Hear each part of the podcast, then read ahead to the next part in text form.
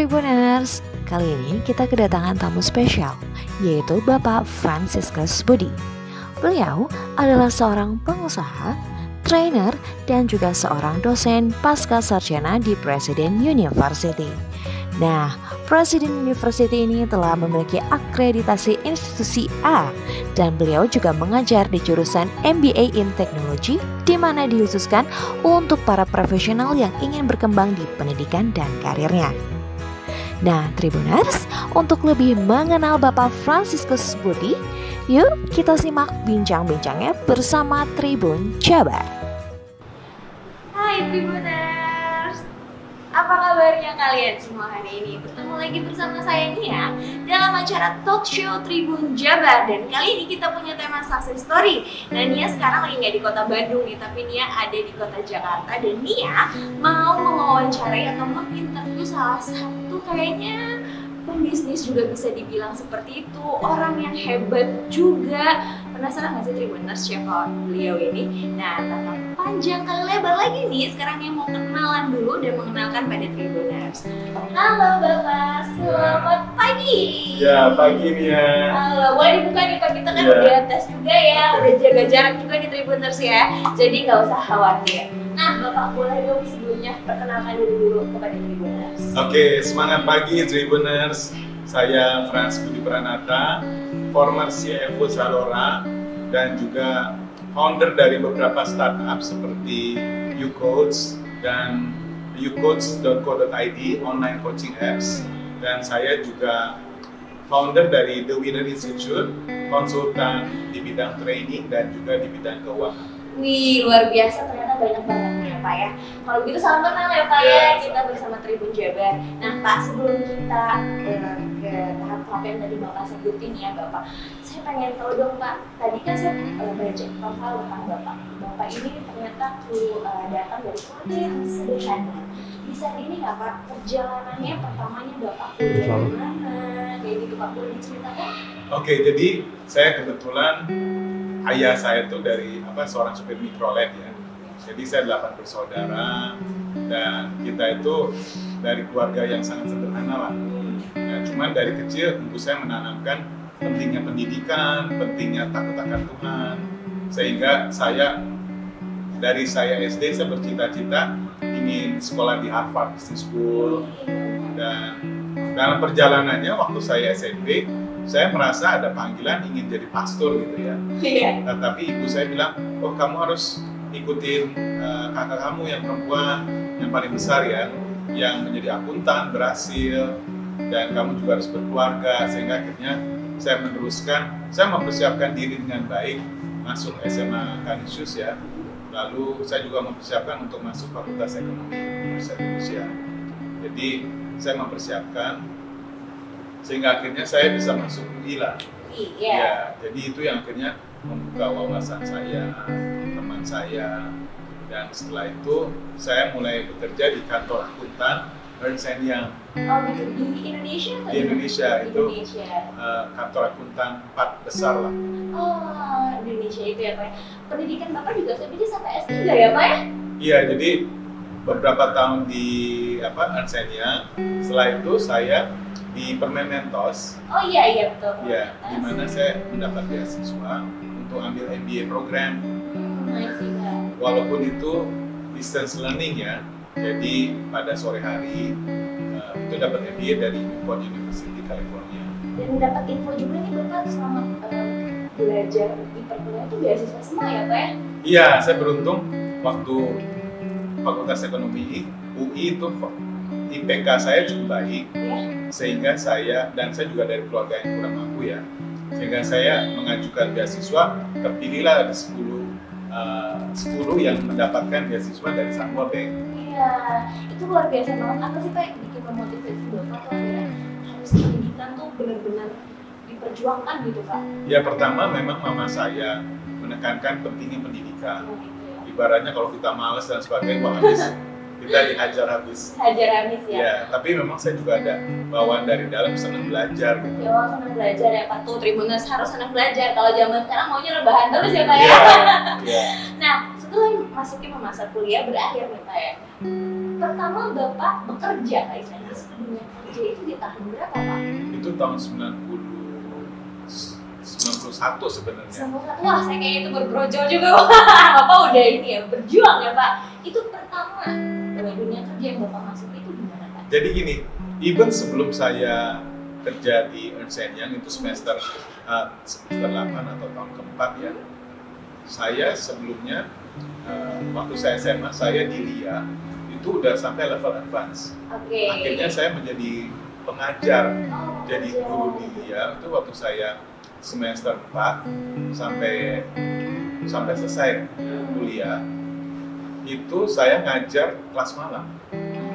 Jadi jadi kelas jam 5 sampai jam 9 sore saya ngajar sampai level 1 sampai level apa? Kelas level 6 ya. Oh, berarti Bapak juga banget di bahasa Inggrisnya ya Pak ya? Lumayan, lumayan. Kalau Maya sih Pak, namanya udah advance dibanding saya Pak. Masih kalau kalau di Lia itu berarti beginner Pak. Oke, setelah itu Bapak mengajar juga dan lain-lain. Terus akhirnya Bapak eh, men, eh, menjelajahi ke mana lagi tuh kerjanya?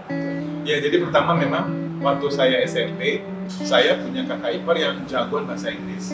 Jadi saya dikasih buku-buku mengenai proverbs, mengenai idiom, mengenai grammar. Jadi saya senang banget belajar bahasa Inggris. Sampai raport saya nilainya 10. Dan matematika juga saya senang. Inilah dua subjek yang membuat saya bisa masuk UI. Nah, setelah itu ini ini juga yang bisa mengantar saya masuk di Ernst Young karena tes bahasa Inggris dan sebagainya. Jadi kemampuan bahasa Inggris itu penting banget. Nah, setelah itu saya di Ernst Young, setelah itu saya di Mentos eh, sebagai assistant controller. Setelah itu saya di Susu Bendera. Saya kebetulan pindah-pindah ke perusahaan yang 10 kali lebih besar, 10 kali lebih besar. Iya, saya lihat profil Bapak tuh kayaknya perusahaan-perusahaan ini ternama juga sampai pada akhirnya Bapak berada di Zalora dan tadi juga ya Pak? Iya, ya? iya. Itu gimana perjalanannya juga sampai Bapak akhirnya bisa sampai ke Zalora? Oke, kalau Zalora itu karena profil saya ada di LinkedIn. Jadi rupanya dilihat oleh Chief Operating Officer-nya eh, yang se Asia Pasifik. Lalu dia lihat profil saya dan tertarik karena background saya. Oh begitu ya Pak, sekarang sudah posisinya CFO, masih sampai detik ini nggak Pak? Saya di Coach itu CFO, eh, itu startup untuk online coaching ya. Tetapi selebihnya saya banyak sebagai financial advisor di beberapa perusahaan. Gitu, saya juga lihat profil Bapak tuh kayaknya finansial, finansial gitu ya Pak, data, data, data itu nggak pusing Pak? Ya, Atau karena memang suka? sebenarnya data itu pusing. Buat, Pusing ya? Eh, walaupun saya sepertinya punya talenta di bidang itu, tetapi saya juga nggak kuat kalau diatin angka terus. Oh gitu. Oleh karenanya saya tuh senang belajar, senang mengajar. Oh gitu ya Pak ya, senang belajar, senang belajar. Dulu sukanya belajar apa Pak? Matematika, saya matematika apa Pak? Saya ini senang, Kalkulus ya. saya senang yang terkait manusia. Ah, isi Jadi, psikologi. Psikologi. Jadi kenapa eh, kenapa hidup harus bahagia? ya. Mengenali. Makanya Bapak keluarin buku ya Pak ya? Iya. Ada berapa buku tuh Pak? Ada 12 buku. 12 buku Tribuners ini luar biasa. Itu judulnya ada apa aja? Saya pernah ada How to Be Rich kayak gitu-gitu ya Pak ya? Iya, how to build a billion dollar startup, iya. personal success cockpit, business intelligence cockpit, uh, cara membuat business plan. Nah, itu Bapak nulis di buku itu bagaimana ada perjalanan Bapak juga? Ada, Ada ya gimana akhirnya bisa sampai detik ini gitu ya Pak? Gimana caranya untuk membuat startup? Bagaimana sih Pak sebenarnya untuk membangun startupnya? Saya susah banget deh Pak ya. Iya Awalnya memang tuh startup itu dari 20 startup yang berhasil mungkin hanya satu ya. Hmm. Jadi konsepnya harus ada 4A. Pertama ada ide yang bagus, great idea, lalu great team, kita punya tim yang hebat atau founder yang hebat, terus juga uh, great product, produknya harus bagus. Lalu yang keempat great execution, eksekusinya harus bagus. Ini ada satu lagi nih Pak, great money Pak. Iya, itu kayaknya paling penting juga ya Pak. betul, betul. Itu sih di mana kan kayaknya bisnis harus uang dulu baru niat Pak. Kalau Iya. niat uang yang nggak ada kadang nggak bisa jalan. Tapi bisa nggak sih Pak kalau misalnya kita memang punya peluang, tapi misalnya maninya belum ada itu bisa juga nggak sih Pak? Bisa banget. Gimana? Saya saya pernah membantu jadi salah satu murid workshop saya cara bikin startup itu dia punya konsep medical dokter panggil dia itu bersama lima dokter di Bali. Dia bikin konsep ini. Dia bikin konsep ya supaya dokter bisa dipanggil. Dia bikin kayak mockupnya bagaimana uh, menemukan dokternya dan sebagainya. Dan saya pertemukan dengan foundernya atau ownernya Apotika 24 Oh, Apotika 24 karena Apotika 24 ada 350 outlet uh, dan salesnya itu sampai triliunan lah. Nah dia tertarik karena ini sejalan dengan bisnisnya ya. Akhirnya dia invest di situ sampai miliaran. Dan dan ternyata menurut ownernya K24 Pak Frans ini ternyata apps pun belum jadi aplikasi belum jadi hanya konsep. Akhirnya konsepnya disukai dan disetujui. Akhirnya dibuat apps-nya Ah, gitu ya Pak ya. Berarti memang harus terstruktur strategi juga harus bagus ya Pak dalam kita membangun sebuah bisnis ya. ya artinya aplikasinya harus yang dibutuhkan oleh masyarakat. Kadang kan wah orang harus ke dokter kadang suka males gitu Iya, ya kan. iya, iya. Pengennya dokter datang ke rumah Iya benar benar benar karena orang-orang baliknya beneran ya Pak ya. Betul. Apalagi jalan sekarang benar macet ya kan Pak. Nah Pak saya mau tanya selain Bapak saya juga tadi baca profil Bapak Bapak ini sudah benar mendapatkan sertifikat juga ya Pak Iya. untuk Bapak pernah kerja di UP itu Pak ya. ya Itu sebagai direktur keuangan direktur keuangan dan mendapat sertifikat saya tuh sebagai direktur keuangan terbaik se Indonesia Wih, tahun biasa. 2013 dan 2015 Oh, itu luar biasa. Lalu juga pernah di Salma sendiri juga pernah dapat penghargaan Iya. ya ya sebagai direktur keuangan terbaik se Indonesia sama juga. Iya. Ini luar biasa itu di tahun 2015. 2015 ya Pak. Untuk sekarang di tahun 2021 Bapak sedang menjalani bisnis kah atau bekerja di mana? Iya saya saya CFO di e-coach online coaching apps yang setiap minggu bikin event Iya. webinar dengan pembicara yang hebat-hebat ya dan itu berbasiskan aplikasi. Dan saya juga menjadi uh, konsultan keuangan untuk beberapa perusahaan-perusahaan besar ya. Perusahaan properti di Jawa Timur perusahaan wastewater terus uh, pabrik terus ada beberapa perusahaan yang kita itu membantu membenahi sistemnya uh, aplikasinya laporannya Hmm. pajaknya Ini semua ya Pak ya. Berarti Bapak ini orang hebat, orang pintar juga gitu ya. Iya iyalah S3 sampai S3 sampai luar negeri lagi ya Pak. Nah, berarti Bapak sekarang ini sebagai pembisnis ya, sebagai karyawan juga iya ya Pak ya? Iya, artinya eh, saya kebetulan empat kuadran ya, Iya. karena selama hampir 30 tahun itu sebagai profesional. Tapi sering kali kan pada saat kita jadi CFO, apalagi kalau perusahaannya direstrukturisasi dan dijual ya, akhirnya kadang CFO-nya diganti, Ah, termasuk gitu. sayanya. Ah. Jadi, tapi saya sudah dari 5-10 tahun yang lalu sudah bikin perusahaan dari headhunter, dari jasa advertising, dari jasa social media marketing. Itu ya Pak ya. Jadi bisnis iya. Pertama jadi karyawan dulu kali ya Pak ya. Karyawan pembisnis karena sekarang membangun sebuah startup. Jadi Bapak senangnya sekarang dipanggil eh, sebagai pembisnis atau gimana Pak? Sebagai pebisnis ya. Sebagai pembisnis ya. Ya. Nah, awal mula Bapak menjadi seorang pembisnis itu yang bikin the trigger udah saya pembisnis aja itu apa Pak? Jadi gini, memang ada enaknya jadi karyawan, ada enaknya jadi pebisnis. Iya, gitu. Kalau jadi karyawan, enaknya kita bisa belajar dan dapat income yang pasti. Hmm. kalau jadi pebisnis resikonya bisnisnya bisa bisa naik turun terus juga mengelola karyawan itu susah-susah gampang Iya, dan juga modalnya harus kuat iya benar Pak. Nah itu gimana Pak supaya mentalnya kuat kita balik lagi ke psikolog ya sebenarnya Iya. ya Pak ya untuk menjadi seorang pembisnis mentalnya harus kuat banget ya Pak. Gimana biar mental itu kuat kuat Bapak nih pagi buat juga. jadi sebenarnya pertama kita harus punya kompetensi atau kalian atau saya bilang suka 3C ya karakter kompetensi dan connection Connection. ya karakter ini yang membuat kita eh, ada tiga hal untuk karakter Hmm. itu harus beriman sehingga membuat yang tidak mungkin jadi mungkin terus kita itu uh, never give up pantang menyerah uh, dan juga memiliki empati empati itu memiliki rasa iya terhadap orang lain gitu ya Pak ya.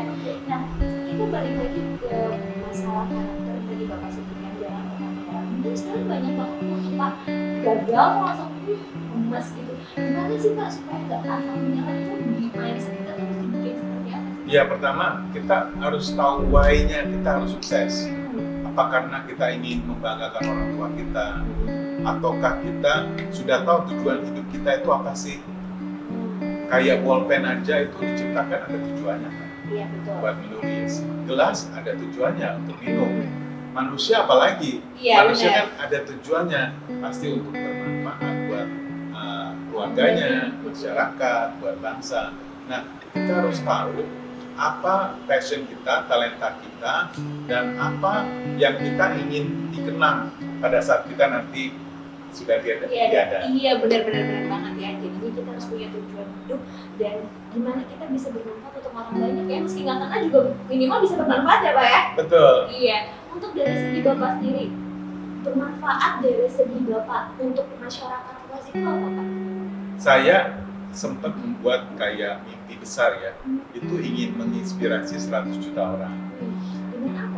Dan dengan memberikan inspirasi, motivasi, nulis buku, terus memberikan pemikiran-pemikiran, saya develop juga software untuk mengukur kecerdasan, kesuksesan ya, success intelligence. Jadi saya berusaha menciptakan uh, semacam teori baru lah, teori menurut saya yang bisa mengukur uh, kreativitasnya uh, Orang. Bisa mengukur integritasnya diukur dalam bentuk scoring ya. Oh betul. Jatuhnya seperti psikotes lagi seperti psikotes nanti keluar dashboardnya. Ah, sebuah aplikasi juga itu. suatu aplikasi pakai SAP developer ataupun pakai Excel. Jadi bisa mengukur leadership seseorang itu seberapa baik communication skillnya eh, lalu kreativitasnya kemampuan untuk smart spending dan right investing.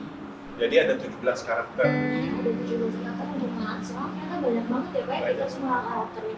Oke balik lagi ke startup. Banyak banget ya pak bapak memulai startup ini itu ini itu.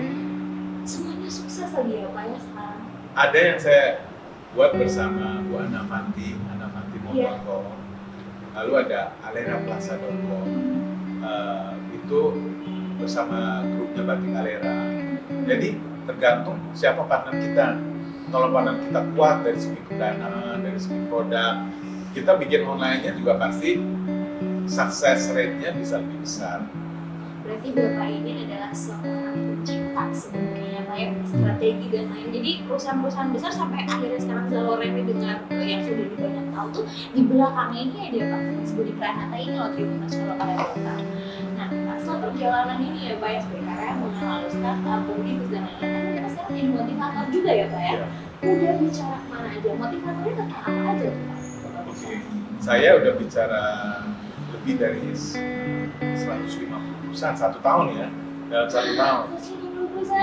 Luar biasa Jadi eh, yang kita motivasi itu biasa tentang mindset, tentang bagaimana ada yang sebut namanya theocentric motivation. Bagaimana menemukan tujuan hidup kita sesuai talenta yang Tuhan berikan. Jadi menemukan purpose, purpose kita, karena purpose kita itu menentukan action kita, akan menentukan eh, tujuan hidup kita itu kita mau apa gitu ya. Jadi berbasiskan teosentrik. Artinya bukannya jadi ada spiritualitas, ada religi- re- religiusitas. Nah, irisannya itu namanya teosentrik, berbasiskan eh, berbasiskan ketuhanan lah. Ah iya, Ya, Tetapi bukannya menganut agama tertentu kan, ah iya iya.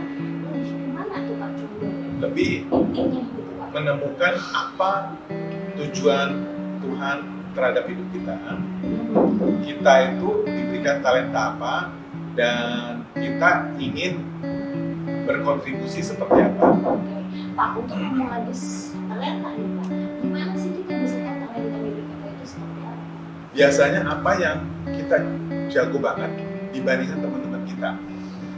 Ingat, ingat apa yang kalau kita bermain atau kita belajar, kita sebentar aja cepat bisa. Sementara orang lain itu susah payah.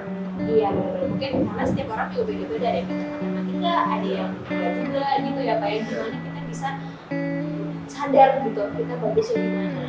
Ya, Kalau misalnya yang pintar ngegombal gimana Pak talentanya? bisa aja. Jadi intinya apa yang kita mau mengerjakan tanpa dibayar dan kita senang mengerjakannya walaupun tidak dibayar.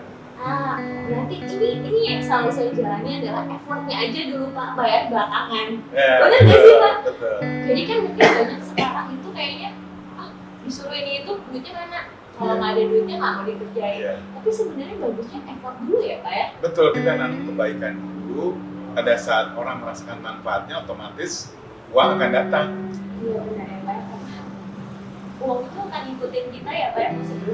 Kontribusi apa, nilai apa, manfaat apa yang kita bisa berikan, otomatis ada bayarannya.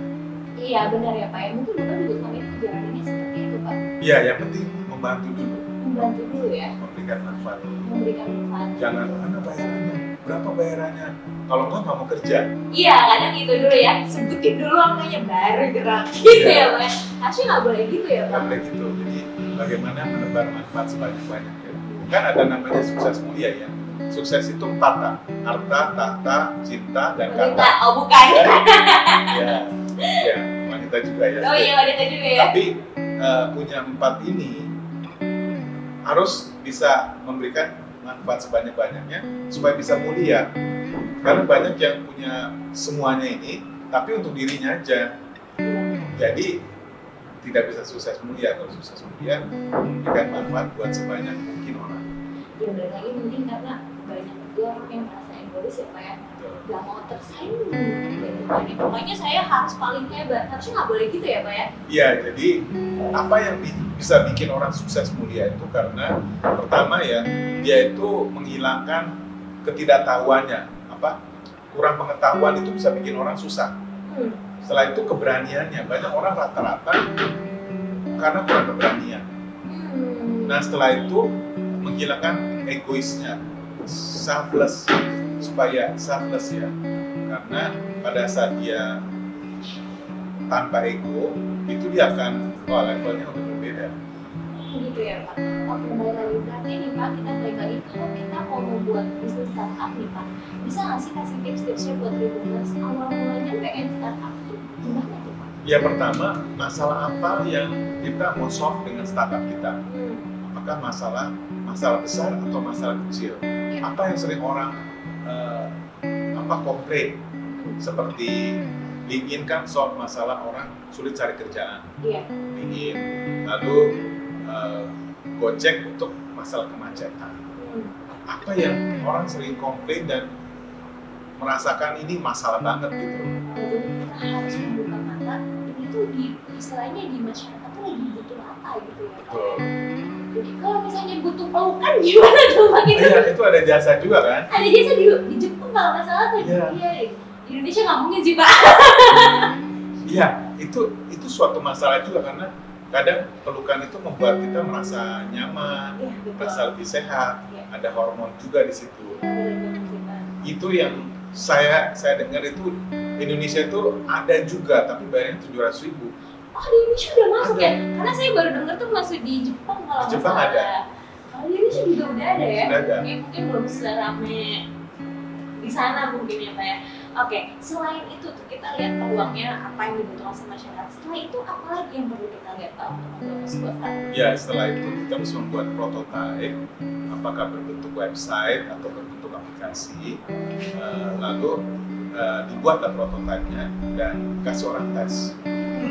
Orang suka nggak mencobanya, terus kembali lagi nggak? Hmm, gitu ya Pak. Kalau misalnya kita buka dunia usaha makanan, mungkin lagi food testing kali ya Pak ya? Lagi apa? Food testing. Iya, food testing. Iya gitu, kalau aplikasi orang suruh cobain dulu, Cobain dulu gitu. Setelah itu tuh Pak, ke tahap mana lagi? Kita harus pikirannya? Nah, setelah orang coba dan orang suka, itu tractionnya ya tractionnya itu artinya eh, dari satu customer menjadi 10 customer 10 jadi 100 100 jadi 1000 bagaimana growing usersnya? Supaya usersnya itu kalau misalnya dia 10 orang setiap minggu gitu ya kan bisa jadi jadi banyak sekali. Banyak banget ya jadi bagaimana membesarkan eh, istilahnya scale up. Skill up ya. Scale up. Terus terus nih skillnya tuh lebih ditingkatkan. Iya, pertama waktu kecil istilahnya disebut istilahnya uh, product market fit. Produk sama marketnya cocok nggak? Karena kalau mereka cocok, baru itu kan artinya viable. iya Setelah dia cocok, baru setelah itu di scale up. Scale up itu dibesarkan Hmm. supaya customernya bertumbuh 10 kali lipat setiap bulan atau setiap tahun gitu ya tahun ya ya. Nah, Pak, saya mau tanya nih, mungkin ini bisa menjadi sesuatu masalah juga di kalangan banyak ya. Banyak nih Pak, startup bisnis gitu yang memulai bisnis di bidang apa pun. Di misalnya tiga bulan pertama, enam bulan pertama tuh bagus sekali. Nah, enam bulan besar itu langsung drop. Iya. Apa sih Pak sebenarnya masalah terbesarnya dan seharusnya kita melakukan apa? Ya biasanya harus bikin business plan ya untuk 12 bulan ke depan untuk pertumbuhannya. Samping itu menentukan KPI. KPI yang ingin dicapai dalam 12 bulan ke depan dan itu harus dicapai.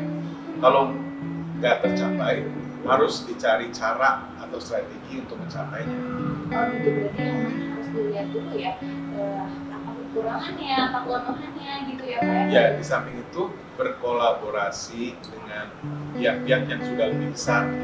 Oh gitu ya Pak ya, berarti memang harus ada kontribusi dari yang besar juga ya Pak ya. Oke, Pak sebelum kita terakhir nih Pak ya, ada nggak sih pesan-pesan untuk teman-teman millennials nih dari Bapak sendiri untuk memulai startup atau bisa menjadi seorang seperti Bapak yang hebat banget dari tahap dari yang tadinya dari keluarga sederhana bisa dibilang dari from zero to hero Pak. Coba bisa dikasih tips and triknya nggak nih? Oke, jadi intinya bagaimana membangun 3C tadi, membangun karakter, membangun kompetensi, membangun connection. Karena eh, karakter ini yang membuat kita dipercaya. Kompetensi akan membuat kita punya nilai atau manfaat. Karena punya karakter tanpa kasih manfaat juga percuma. Setelah itu connection, connection ini yang membuat kita terbang karena eh, orang bisa jadi punya karakter, punya kompetensi, tapi nggak ada yang kenal. Ah Ya, ya, link ya. Link. kita harus banyak kenal orang ya Pak Harus, ya. harus. Jadi kan maksudnya ya bukannya ada manfaat sih ya Pak ya, tapi kita mengenal banyak orang juga untuk kesejahteraan hidup gitu kali ya Pak ya. Selain itu apa lagi Pak? Nah, selain itu adalah eh, itu kalau dari sisi pribadi ya.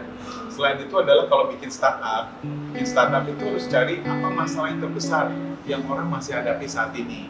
Dan juga kita harus membawa masa depan ke masa sekarang. Artinya ya, misalnya bagaimana bagaimana seperti apa mobil yang tanpa driver. Iya sekarang udah mulai ya Pak ya, udah mulai banyak juga. Ya kita memahami eh, apa industri 4.0 ya. Jadi ada namanya apa drone, Iya. ada namanya 3D printing, ada namanya apa GPS, cloud dan sebagainya. Bagaimana ini kita bisa gunakan dalam bentuk aplikasi supaya ini bisa berdampak menyelesaikan masalah banyak orang. Gitu, berarti ini maksudnya juga harus visioner ya ya. Visioner Iya, maksudnya kita lihat ke masa depan tuh orang membutuhkannya seperti apa. Nah, Pak, Bapak juga suka motivator. Tapi kalau misalnya Tribuners pengen tahu Bapak lagi ngasih speaker di mana tuh bisa lihat di mana tuh Pak jadwal Bapak. Oke, bisa dilihat di uh, youcoach.co.id atau di Instagram saya ya. Oh, boleh, boleh Pak. Promote aja Pak. Ya, silakan Instagram Pak. saya at Budi Youcoach, U Coach ya. Coach ya, Ya. coach pelatih ya Pak ya. Ya, B U D I U Coach. iya, COH. C O A C H. Ya, coach pelatih ya. Nanti nanti kita tulis nih ya. Nanti di situ juga ada informasi Bapak bakal speaker mana gitu ya Pak ya. Selalu setiap minggu kita ada event gratis. Oh gitu Pak. Tiga speaker namanya Business Hack. Bisnis saya berarti berbicarakan se- bisnis. Cara me- menumbuhkan bisnis 10 kali lipat. Oh gitu, berarti nanti saya juga ikutan boleh. Suka ke Bandung juga nggak Pak by the way? Iya suka. Suka gitu ya, nanti saya follow. Teman-teman Tribun juga jangan lupa untuk nge-follow supaya tahu aktivitas dari Pak Friends juga. Kalau misalnya teman-teman nih pengen nanya-nanya sama Bapak nih tentang bisnis bisa nge-DM atau gimana? Bisa, Bisa, bisa, ya? banget. Bisa ya Pak ya? Tuh Tribuners. Jadi kalau misalnya kalian belum puas nih sama interview kita hari ini, kalian bisa DM Pak Frans saja tanya-tanya gimana tentang bisnis startup dan lain-lain. Yes. Benar nggak Pak? Iya, Mungkin. Pak, sebelum kita tutup lagi acara ini, ada yang mau disampaikan lagi kan Pak? Ya, jadi intinya Tribuners rajin-rajinlah untuk belajar dan juga bergaul dengan orang-orang yang 10 kali lebih sukses karena itu yang akan membuat kita bertumbuh karena kita belajar sama bergaul sama orang yang 10 kali lebih sukses karena penghasilan kita adalah rata-rata lima orang terdekat dengan kita Oh, gitu ya Pak ya. Jadi harus terus terus mencari orang yang lebih sukses dari kita untuk belajar ya Pak ya. Belajar. Bukan buat dari tempat, tapi untuk selalu belajar. Wah Pak Frans 30 menit nggak kerasa banget ya. Saya udah banyak ilmunya dari Pak Frans. Bapak Frans ini benar dari zero to hero-nya banget. Makasih untuk segala pengalaman dan pembelajarannya ya Pak ya. Sampai jumpa lagi. Ya. Selalu sehat ya Pak ya. Nah, Tribuners 30 menit saya sudah menginterview success story dari Pak Frans Budi Pranata. Semoga ini bisa menjadi inspirasi untuk Tribuners semua. Nah, kalau begitu kita berdua undur diri. Jangan lupa ya selalu terapkan protokol kesehatan. Saya Nia dan Pak Frans undur diri. Sampai jumpa.